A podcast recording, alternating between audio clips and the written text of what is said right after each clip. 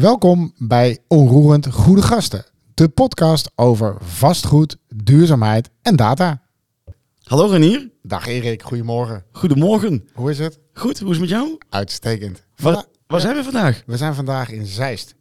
En we, wie hebben we als gast vandaag? Stel je even voor, zou ik zeggen. Roel van der Belt, eh, directeur Rabo Real Estate Finance eh, tot 1 april. Dus dat, eh, die datum komt dichtbij. Rap dichterbij. Zeker. Ja, Het is extra leuk om je nu in de podcast eh, te hebben, Roel. Dus eh, nou goed, we hebben een aantal stellingen voorbereid. Die gaan we eerst even doorlopen. En dan mag je ja of nee zeggen. En nuanceren daarna mag, hoeft niet. Maar nou, dat zal ongetwijfeld wel eh, gebeuren. De stelling 1. Banken doen genoeg aan het oplossen van het woningtekort. Ja, banken doen eh, genoeg. Kijk. En, eh, Dan houden we het hierbij, mag je later eh, Eh, stelling 2. Het eh, dieptepunt van de waardedaling van het vastgoed wordt in 2023 bereikt. twijfel. Ja, dan, dan, daar gaan we dus Twijfel. sowieso nuanceren. Twijfel, ja. eh, denk ik nee. Denk nee. Nee, met nuancering. Stelling 3. De vastgoedmarkt voor beleggers staat er goed voor. Nee. Stelling 4. Is er een samenhang tussen de waarde van het vastgoed en duurzaamheid? Ja. Stelling 5. Het omvallen van eh, Silicon Valley Bank is een risico voor de Nederlandse banken. Nee. En dan hebben we nog een soort van bonusstelling. Die probeert iets op het persoonlijke vlak te gaan. Heel makkelijk. Rotterdam of Utrecht? Rotterdam natuurlijk. Ja, natuurlijk. Ja, dat is voor jou natuurlijk. En waarom? Want daar kunnen we gelijk over doorgaan. Mooiste stad eh, van Nederland. Eh, niet lullen, maar poetsen. Eh, ook mooiste club van Nederland natuurlijk. Welke van de drie? Z- Zullen we... Zullen we Welke van de drie? Alleen de vraag die je stelt, begrijpt al dat je geen verstand van voetbal hebt. We, zullen, we zullen zondag nog wel even appen, denk ik, na die wedstrijd. eh, We gaan het helemaal be- beleven. Maar eh, Maar je hebt ook heel lang in Utrecht gewerkt. En eh, dus vandaar ook de keuze tussen Rotterdam en Utrecht. Maar voor jou is het eigenlijk geen keuze. zeker, ik heb bijna mijn hele werkzaam leven zo'n beetje in Utrecht. Exact. Of in ieder geval voor een organisatie die Ja. in Utrecht eh, gezeteld was, eh, gewerkt. Maar voor mij is dat nee, geen enkele twijfel. eh, Rotterdam, eh, dat is mijn stad. Leuk. Een echte jaren- Rotterdammer? jarenlang gewoond, maar ja, nu niet meer. Nu woon ik in Arnhem. Ook een schitterende omgeving, andere omgeving. Maar ik ga graag weer terug naar Rotterdam. Maar ik denk wel, Erik, als ik het zo hoor, dat hij binnenkort gewoon eh, Vitesse supporter wordt. Nou, dan eh, kun je in ieder geval nog een hele groeipad doormaken. Dat is Ik ben jarenlang naar Vitesse geweest. eh periode, denk ik, eh 98 tot, tot 2000. En ook veel bij Vitesse gezeten bij de wedstrijden. Op dat moment was er ook al veel commotie. En misschien is dat ook wel de historie van commotie. Want na- na- nadat eh Albers gekomen is, is het eigenlijk nooit eh, rustig geweest. Nooit rustig geweest. nee, nee, nee. En in Rotterdam, eh, bij Feyenoord, is er ook altijd commotie. Dus wat dat betreft eh, Ja, ja. zit dat dan helemaal goed. Ja, we- en bij beide hebben natuurlijk ook grote vastgoed aandachtspunten. Hè. Zeker. Het Feyenoordstadion, eh Vitesse Stadion. Ja. Nou, kun je volgens mij over... eh, het laatste kun je in ieder geval zeker een boek over schrijven. Ja, eerste, kunnen we de eerste ook. misschien straks ook. Kunnen we zeker ook een podcast over vullen. Precies, maar die gaan we vandaag denk ik niet oplossen. Zeker. We gaan naar de, st- eh, de andere stellingen. Eh, de, de eerste stelling. Banken doen genoeg aan het oplossen van woningtekort. Da- daar moest je eh, over nadenken. Je hebt vorige week ook wat in een interview eh, daarover nog heel specifiek wat geroepen. Vertel. Nou, kijk, het woningtekort is gewoon groot. Dus eigenlijk doe je nooit genoeg om het op te lossen. En moeten we met elkaar voor die markt gaan staan en kijken hoe we nog meer met elkaar kunnen doen. En wat je ziet is dat we hebben een met 34 organisaties hebben eh, eh, ehm, eh, niet een akkoord gesloten, maar in ieder geval een plan gemaakt voor die woningmarkt. En dat plan dat wordt op dit moment ook grotendeels eigenlijk ook uitgevoerd door Hugo de Jonge. We hebben geschreeuwd om minister voor wonen. Die hebben we gehad. En op dit moment zijn al die kikkers niet meer in de kruiwagen. En die kikkers zijn wel nodig om met elkaar meer te bereiken. Dus als je vraagt aan mij, doen we genoeg? Dan doen we echt heel veel. Maar als markt moeten we meer doen. En ik denk dat het enige manier hoe we meer met elkaar kunnen doen, is minder in de polarisatie schieten en meer in de samenwerking schieten. Maar je zegt dus eigenlijk, hè, we, er is een plan gemaakt met 34 partijen, alle kikkers in het kruiwagen, maar die springen er dus nu uit. Wat is de reden waarom zij eh, zich dan toch een andere, be- andere beweging nu... eh, Nou, op een of andere manier is ontstaan dat dat uh, de partijen zich niet allemaal helemaal meer gebonden voelen aan dat plan wat ze hebben ingeleverd.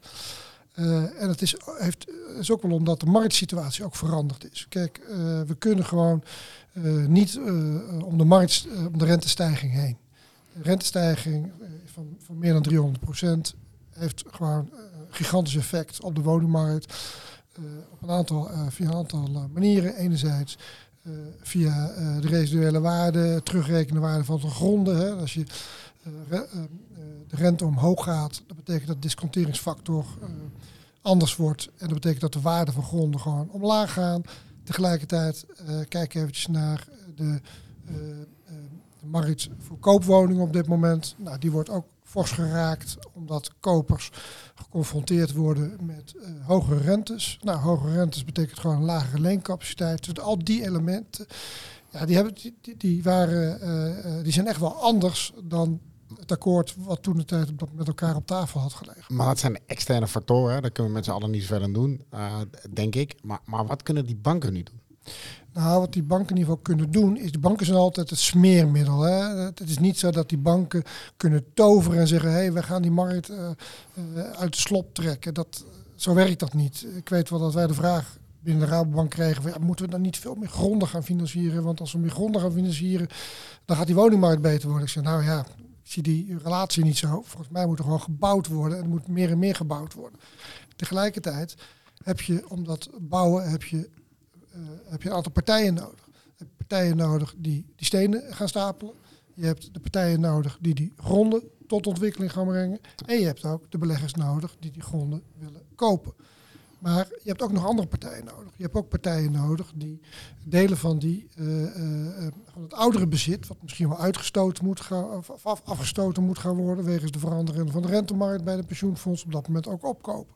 Nou, wat je nu ziet, is dat dat in de tijd waarbij uh, in het akkoord uh, alle partijen verenigd waren, al, toch een aantal partijen ja, uit, de, uit, uit, uit, uit als kikkers uit die mandjes zijn, zijn gesprongen. En die moet je weer aan tafel gaan krijgen. En dat is toch omdat, ja, omdat niet alle partijen tegelijkertijd de juiste vraag hebben. dat zeg ik niet goed.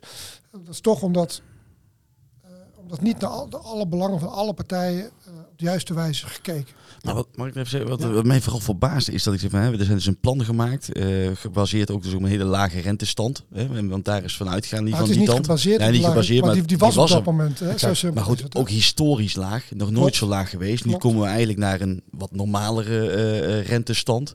En dan is, springen dus meteen al kikkers uit de kruiwagen. Ja, dus, ook, maar het moet ook even heel concretiseren welke kikker bedoel ik dan op? Hè? Ja. Even de, ja. de, de, olifant in de room. Dat, ja. dat is natuurlijk toch gewoon de particuliere belegger. Als je kijkt naar het aantal uh, vrije sector huurwoningen, dan is uh, het allergrootste deel daarvan is een bezit van particuliere beleggers. En particuliere beleggers op dit moment, ja, die worden wel heel zwaar geraakt door de combinatie van de maatregelen van Hugo de Jonge, van Marnix van Rijn. Maar met name ook vanwege de rente ontwikkeling. En die combinatie, die zorgt ervoor dat uh, ja, woningbeleggingen, in ieder geval in de bestaande bouw, bij particulieren, gewoon niet aantrekkelijk zijn. Nou, en die partij heb je ook nodig voor de verduurzamingsoperatie en voor uh, de grote opschaling van uh, de woningbelegging. Dus als je aan de ene kant heel fors geraakt wordt, ja, dan sta je misschien niet meteen te springen om meteen allemaal nieuwe woningen te gaan kopen. Dus nog één vraag daarover, Roelen. Want ik denk dat we hier gewoon de hele podcast wel mee kunnen vullen. Smart buildings, wat jullie ook doen hè? binnen Rabo. Andere banken hebben ook dat soort initiatieven. Uh, hoe kijk je daar tegenaan? Is dat echt wel iets wat kan helpen om te versnellen? Tijdelijke woningbouw is iets om te versnellen. Ja. Dus ja, daar moet uh, verder op worden doorgepakt kijkt Hugo de Jong overigens ook naar. Ja. Want die probeert ook de garantieregeling voor tijdelijkheid uh, verder op te schalen. Dat heeft hij in ieder geval gedaan voor sociale woningen. Maar moet hij, wat mij betreft, ook doen voor middenhuurwoningen. En Nicole Maas is er ook bij betrokken als kartrekker van zeker, dat uh, Zeker, ja. zeker. Dus even terug naar, naar de stelling. De stelling is, doen banken genoeg? Banken doen echt uh, heel veel, dus ze doen genoeg. Maar de markt moet gewoon met elkaar meer doen. En dat betekent ook dat die, die, die hand naar die particuliere belegger, die moet meer uitgeworden gestoken worden. Uh, ik hoor van ja, maar de maatregelen van Hugo de Jonge, dat zijn slechte maatregelen. dan kun je echt afvragen of dat echt wel het geval is. Ik denk dat het merendeel van de maatregelen allemaal beste billijke zijn. Dat geldt ook voor de maatregelen van Van Rij. Maar gecombineerd met de rentestijging zorgt ervoor dat de markt op dit moment volledig op slot komt te staan. Dus Hugo, Marnix, kijk naar de markt en temporiseer. Nou, dat zijn mooie woorden. En, en overigens de volgende podcast, of laat ik zeggen, weer een podcast waar Hugo uh, valt. Uh, dat is eigenlijk ja, de misschien podcast. nog even de, de, de, de nuancering. Ja. Hè? Want in mijn interviews uh, leek het net alsof dan de banken de huurmarkt moeten reguleren. Nou, zo is dat in ieder geval ook nooit bedoeld. Wat bedoeld is dat de, de, er komt nu regulering aan vanwege de jongen, omdat de zelfregulering van de markt door de beleggers en de huurdersvereniging, dat dat niet gelukt is. Nou, en daarvan, had, daarvan zeg ik van ja, daar hadden die banken wel degelijk een rol kunnen, uh, bij kunnen spelen om die zelfregulering wel voor elkaar te krijgen. en, daar, en dan de huidige toch voor, voor, beleggers zware regulering te voorkomen. Ja. Helder. Dat, dat is helder. Laten we het bruggetje maken naar de, de volgende dus stelling 2. Stelling 2 hadden we uh, het dieptepunt van de waardedaling van vastgoed wordt in 2023 bereikt. Daar was een hoop twijfel uh, uh, aan de overkant, ja of nee. vertel. Nou, als ik nu naar buiten kijk, zitten hier natuurlijk bij Baron in Zeist. Fantastisch mooi kantoor, maar ook fantastisch mooi weer. En dan zou je zeggen, jongens, de zon schijnt, dus kom op ermee en laat die markt weer... laat die bewegen. Maar ja, het effect van de rentestijging is gewoon nog niet, nog niet helder. Uh, de bewegingen, de geluiden van uh, de afgelopen twee weken zijn dat er toch nog gewoon meer rentestijgingen verwacht worden. Misschien even getemporiseerd, omdat er een grote bank is omgevallen in Amerika. En nou, vanwege dan dat effect zeggen ze, nou misschien moeten we dan die rentestijging extra nog maar even nu niet doen. Maar inflatie is nog op zeer hoog niveau, te hoog niveau. En volgens mij hebben de beleidsmakers gezegd, ja, de enige manier om dat verder in te dammen is inflatie, of is rente verder verhogen. Nou, als je rente verder verhoogt, betekent dat een extra effect op de waardes, een negatief effect. En omdat het effect niet duidelijk is, zullen beleggers ja, toch afwachtend zijn. Verkopers hebben nog steeds te hoge prijzen in hun hoofd. Kopers zijn afwachtend en zit op lagere prijzen. Dus ja, gaat het wel even duren. Dus er gebeurt niet zoveel. Gebeurt niet zoveel. Gaat dit dan in 2023 of 2024 zijn? Geen idee. Ik heb geen glazen bol. Mijn gut feeling zegt. Wel jammer. Ja. Mijn gut feeling zegt uh, ja, richting 24 ja. en niet 23. En heb je dan een specifieke uh, asset-categorieën in beeld die het het minst goed doen, om het maar zo te zeggen? Dus waar, waar moeten we ons de meeste zorgen over maken?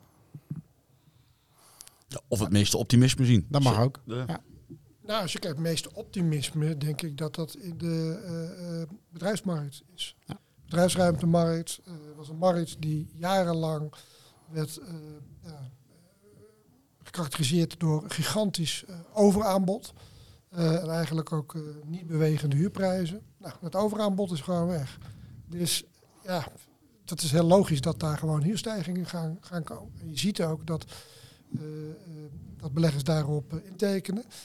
Um, je hoort natuurlijk meteen dan de logistieke markt. De logistieke markt is wel een specifiek onderdeel van de bedrijfsruimtemarkt. Als ik zeg positief, dan ben ik heel positief over de bedrijfsruimtemarkt en niet specifiek over de logistieke markt, omdat die wel uh, heel erg geraakt uh, is door de rentestijging. En de yields waren heel laag ook, hè? De, yields waren heel laag. En nou, rentestijging betekent hogere yields, betekent daar wel degelijk even en, en, kantoren op, op prime locaties, waar we, waar we zien op de Zuidas, hè, dat 40% leeg staat, omdat mensen niet meer naar kantoor komen vanwege thuiswerken. Hoe zit je daarin? Kantoor op lange termijn uh, positief. Ook op de Zuidas. Uh, Zuidas is here to stay. Ik heb toevallig daar in het Hello Zuidas magazine iets over gezegd. de, betekent niet dat er in delen van de kantorenmarkt niet wel een probleem kan ontstaan.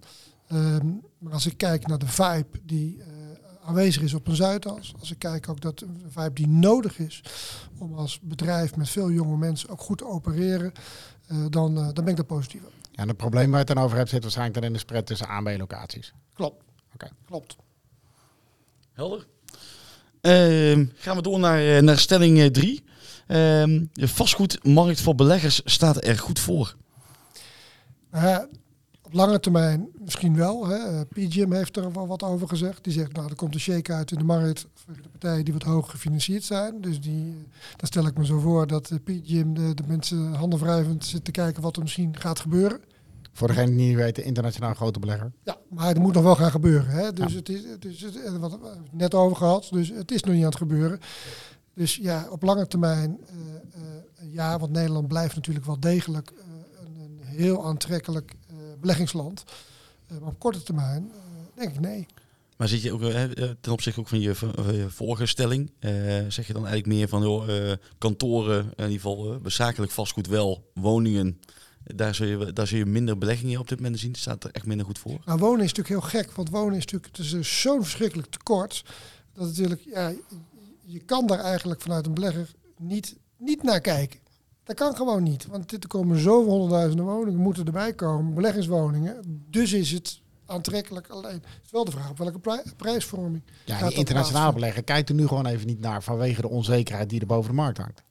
Ja en nee, vanwege de onzekerheid in de markt niet. Uh, tegelijkertijd zeggen ze wel, ja, want dit is wel, uh, reken even uit hoeveel miljarden uh, daarin belegd kan gaan worden. Dus wel degelijk potentieel blijvend interessant. Maar korte termijn versus lange termijn. Korte termijn versus lange termijn. Ja. ja. Oké. Okay. Uh, ja, ik vind het interessant om te kijken hoe we maar die, uh, um, inderdaad met die vele woningen die er zijn. Hè, inderdaad, anderzijds hebben we het uh, regulering in de, in de middenhuur. Ik kan me voorstellen, ik hoor het ook veel om me heen. Dus ja, ga, ik daar nou, ga ik daar nou wel in investeren? Niet in investeren, tekort versus nou ja, de opbrengsten. Het blijft natuurlijk een lastig, lastig onderdeel in die woningmarkt om, om te kijken hoe gaan we daar nou mee om. Uh, heb je, zou je daar vanuit uh, nou, die, die belegger die veel op woningen zit, wat zou je die dan nu adviseren? Nou, kijk, verduurzaming is natuurlijk here to stay. Dus uh, voor zover hij een belegger nog niet daarnaar kijkt, ja, dan moet hij echt uh, zich ook een beetje schamen, denk ik. Uh, verduurzaming is gewoon dat de norm op een hoger niveau wordt neergezet. En op dit moment maken we hele grote sprongen, ook omdat dat nodig is in het kader van het Parijsakkoord. Um, dus uh, het tweede, uh, ja, de huurregulering. Uh, kijk nog eens heel goed naar wat voor huur je daadwerkelijk vraagt. en pas het dus misschien vooruitlopend daarop al aan, zou ik zeggen. En misschien heb je lang kunnen profiteren van een te hoge huur. Maar uh, wat is te hoog ook, uh, is ook maar relatief natuurlijk. Maar er zijn, uh, de excessen in de markt moeten zo snel mogelijk uit. En dan kunnen we hopelijk weer praten over ja, de, het, het merendeel van de beleggers die gewoon helemaal niet bezig zijn met die excess. Ja. ja. En we hebben natuurlijk die buitenlandse beleggers waar we het over gehad hebben, maar we hebben ook de Nederlandse woningbeleggers zoals de Amvesten, de, de Sinterklaas en, en de Bouwinvesten. En die gaan ook gewoon door met, omdat ze ook die druk van die pensioenfondsen hebben om te blijven investeren. Zeker, maar moeten ook de buitenlandse beleggers. Uh, het lijkt net alsof dat slechte beleggers zijn. Zeker buitenlandse niet. beleggers. Maar uh, ik vind het altijd heel gek dat als een uh, Nederlandse pensioenfonds een belegging in Amerika doet, dan staat we allemaal te juichen. En als een uh, beleggingsfonds uit Amerika een belegging doet in Nederland, dan zeggen we, oh, wat is er aan de hand? Dit zijn de aasgieren en die hebben geen lange termijn commitment. Nou, ik denk dat dat helemaal niet het geval is. Ik denk dat er hele grote buitenlandse partijen zijn die uh, echt dedicated zijn aan uh, de Nederlandse markt. Ja, zeker weten. De Greystars die ook mooie dingen doen, ook op sociaal gebied, uh, is daar denk ik een voorbeeld van, maar zo zijn er talloze. En die, die partijen hebben ook kaart ook gewoon nodig. Zeker. Want kijkend naar de omvang van ja, de investeringen, ja, dan is het serieus de vraag of we dat als Nederland allemaal alleen kunnen. Ja, terecht punt. Nou, concluderend, de markt staat er goed voor, zeker op lange termijn en op korte nou, termijn. Nou, op korte termijn niet, maar nee. de, uh, lange termijn niet. Exact. Ja. Dus co conclusie, de markt staat op korte termijn denk ik niet zo goed voor, maar op lange termijn, ja, denk ik wel. Ja, helder. Dan uh, lijkt me dat een mooi bruggetje naar, je had het er al even over, de duurzaamheid. Nou, de duurzaamheid, we zijn er allemaal druk mee bezig vanuit ons eigen perspectief, maar ook met de hele sector. Ja, en wat is nou uiteindelijk het effect van die duurzaamheid op de, ja, op de waardering en dus impliciet op die financiering van, uh, van vastgoed, van stenen? Uh, wat is je visie daarop?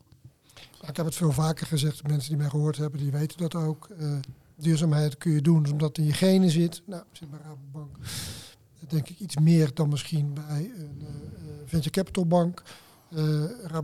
duurzaamheid kun je doen omdat je er geld mee verdient. En duurzaamheid kun je of moet je doen, omdat als je het niet doet, je een heel groot risico loopt. Nou, uh, duurzaamheid is eigenlijk niet meer en niet minder dan uh, het aanpassen van de norm naar een nieuw niveau. En we hebben sinds jaar en dag de bouwnormen altijd aangepast. alleen nu gaat het in veel grotere sprongen. Nou, dus ik hoor altijd, ja, we hebben de Green Plus. dan denk ik altijd, nou die gebouwen die dan 30 jaar geleden ontwikkeld zijn, waren die dan toen niet duurzaam? Ik denk het namelijk toen wel. volgens mij gaan we over naar een round discount. En is het, het, duurzaamheid is uh, natuurlijk toch een beetje een modewoord. Uh, duurzaamheid is gewoon een nieuwe norm. En de norm om te voldoen aan alle eisen gaat gewoon fors verder omhoog. Ja, paar dingen daarover. Hè. een modeterm, ja tuurlijk, hè, er wordt veel over gesproken. En dan nog in een brede verband ESG, hè, want dan, dan trek je hem nog een leveltje, leveltje hoger. Maar, maar er moet natuurlijk ook wel echt wat gebeuren. En die gebouwen van 30 jaar geleden zeker waren duurzaam. Maar die labels, die overigens in heel Europa verschillend zijn, hè? laten we dat ook vooral niet vergeten. Maar daar zullen we echt wel wat mee moeten. En er zijn uh, klanten bij de Rabo, bij ING, bij ABN AMRO uh, en bij andere banken en partijen... Ja, die echt nog niet goed genoeg zijn en die ook moeite hebben om te verduurzamen. En daar kunnen banken natuurlijk ook een rol in spelen. Zeker. Moeten een rol in spelen. Zeker. En willen banken ook een rol exact. spelen. En wat banken dan doen, die, die eerst hebben ze uh, tooling mee ontwikkeld in de markt gezet om te laten zien, meer zichtbaar te maken, wat is nou eigenlijk het probleem van de belegger met, met zijn of haar pand. Uh, en Wat bedoel je met die tooling? Welke tooling hebben we het dan over? Nou, bijvoorbeeld raboduurzaamvastgoed.nl ja. kun je je pand inkloppen en dan kun je zien welke verduurzamingsmaatregelen uh, er zijn en wat invloed op je pand is. Uh, nou, en dan heb je daarnaast ook financieringsruimte. En dan hoor je altijd, ja, maar er moet ook korting komen. Want daarmee moet er gestimuleerd worden. Dat is zeker in het begin het geval. En, en, nu nog steeds zo. Maar de vraag is of je nou daar ook niet teruggaat naar dat niet duurzaam vastgoed gewoon veel duurder wordt qua financiering. of misschien wel niet financierbaar wordt. Dus kijk, op lange, banken zijn gewoon lange termijn beleggers. Dus wij willen dat, dat, dat onze klanten gewoon vooruitlopen op de verwachte regelgeving, omdat daarmee ook ons risico gewoon beperkt wordt. Maar je zei, want eh, eigenlijk zei je net, hè, 30 jaar geleden werd er ook al tegen die norm die er toen gelde duurzaam gebouwd. Hè. Dus eigenlijk wordt het gewoon de grens continu verlegd over die duurzaamheid en Zeker. dat het zo, zo, zo werkt. Dus het heel simplistisch. Hè, want er komen ook alle andere elementen die 30 jaar geleden niet van belang zijn, zijn nu wel van belang. Dus ik zeg het, uh, maar het is meer dat, dat, dat het dat 30 jaar geleden uh, als, waren ook gewoon duurzame panden.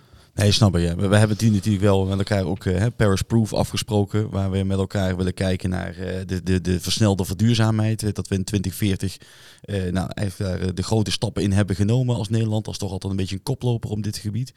gaat dit gehaald worden? Want ik, ik snap wat je zegt, hè, maar dan gaan we een beetje stap voor stap lijken dan. Tegelijkertijd hebben we nu 17 jaar om uh, toch heel wat uh, nog te doen in die markt. Die voor een hele grote deel ook, ja, het land is be bezaaid met panden die 30 jaar of ouder zijn. Hoe gaan we dat doen? Gaan we dat redden? Nou, dat weet ik natuurlijk ook niet zeker. Maar dat we heel veel kunnen als we echt willen. Dat heeft volgens mij COVID wel bewezen. Want we konden nooit energie besparen. Uh, kijk naar wat er gebeurd is. Toen kon wij hier naartoe reed, dat we de doelen van agenda afgelopen jaar gehaald hebben. Terwijl het jaar daarvoor het net niet was. Nou, en dan zeggen wat is nou de achterliggende reden? Nou, dat is gewoon een financiële reden. want de portemonnee bepaalt. en de portemonnee heeft, heeft gezorgd dat, dat iedereen in Nederland fors naar zijn eigen portemonnee gekeken. En daarmee investeringen in duurzaamheid heeft gedaan. Of uh, zijn verbruik heeft uh, aangepast. Maar je zei, jij gaf het ook, de bank dan veel het smeermiddel is. Ook gewoon een woningtekort. Ik kan me voorstellen dat de bank ook de smeermiddel is om deze doelstellingen uh, te behalen. Dus ik kan me voorstellen dat er inderdaad genoeg beleggers zijn die zeggen, hey bank, help mij mee om, om dit te doen. Nou, de, de, Rabobank heeft een groot plan gelanceerd om de zonnepanelen te financieren. En er zullen ook andere eh, financieringsvormen zullen volgen om uh, daarmee juist uh, deze, uh, deze slag te gaan slaan. En of het dan gaan halen of niet, ja, dat, dat kan ik natuurlijk ook niet overzien. Eh, Nee. Het, ziet er, het ziet er niet heel positief uit. Eh, tegelijkertijd, eh, toch eventjes, binnen COVID hebben we ook eh, periode. eh, COVID heeft ons ook uitgewezen dat er heel veel wel mogelijk is. Ja, en ook hier gaat de regelgeving ons echt wel helpen. Hè? Want die worden ook steeds verder aangescherpt, ook op het gebied van duurzaamheid. En we hebben gemerkt, ook met die kantoren C-label, ja, dat werkt toch ook wel als die regelgeving wordt aangescherpt vanuit Europa. Nou, als ik kijk naar wat we nu van Rabobank hebben gedaan, dat is, we hebben eerst de C-labels voor de kantoren, dan hebben we een pathway gemaakt voor naar 2030. Dat hebben we ook voor alle andere asset classes gedaan. En niet alleen voor commercieel vastgoed, maar ook voor zakelijk eigen gebruik. Nou, en het is eh één schaap over dam is volgen de meer. Het eh, C-label voor kantoren was misschien het schaap over de dam.